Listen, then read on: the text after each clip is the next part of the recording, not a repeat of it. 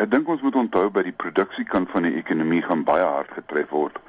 Veral byvoorbeeld smelters om hulle aan en af te skakel is 'n groot probleem. So jou aluminium smelters, jou krom smelters, al die staalfabrieke, dan ook die myne, die die myne kan regtig nie mense ondergronds los as die krag afgaan nie. So hulle sal baie goed en fyn moet beplan maar as die situasie is dat jy die myne ook afskakel, dan gaan jy mense natuurlik op moet bring voor die krag afgaan want uh, die verkoeling en die uh, lig en alles wat hulle daar kry is van elektrisiteit afhanklik en uh, natuurlik dit beteken dit vat hulle 'n hele rukkie om weer produksie op te kry. En dit is juist die probleem uh, wat in daai industrie het.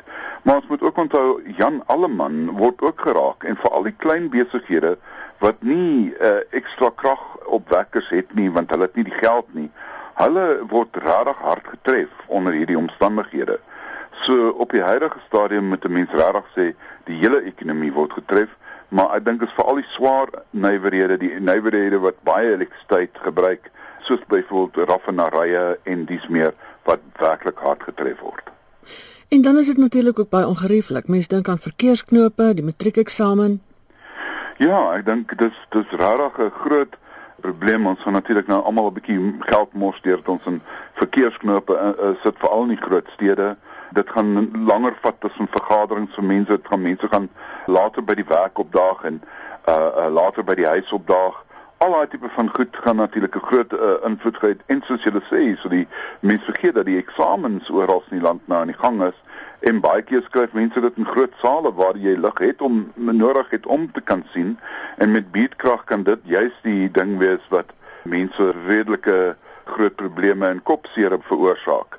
Is kom dit op sy webtuiste 'n rooster vir die beerdkrag geplaas. Dink jy dis 'n doeltreffende manier om Suid-Afrikaners op hoogte te bring? Wel, ek ek dink dit was die enigste manier. Ek weet Johannesburg het ook 'n rooster opgebring, maar dit lyk my die roosters verskil effens. So ek dink die groot probleem is Hulle moes vinnig kommunikeer en ek weet nie hoe hoe, hoe akkuraat die roosters is nie. En ek dink op jou einde van die dag sal ons die is dit waarskynlik die die doeltreffendste manier in die kort termyn om dit um, aan die mense bekend te gestel het. Maar ek dink hulle sal verdere uh, goed moet doen soos advertensies uitvat in plaaslike koerante en mense verduidelik wanneer dit uh, gaan gebeur want nie almal het die internet tot hulle beskikking nie.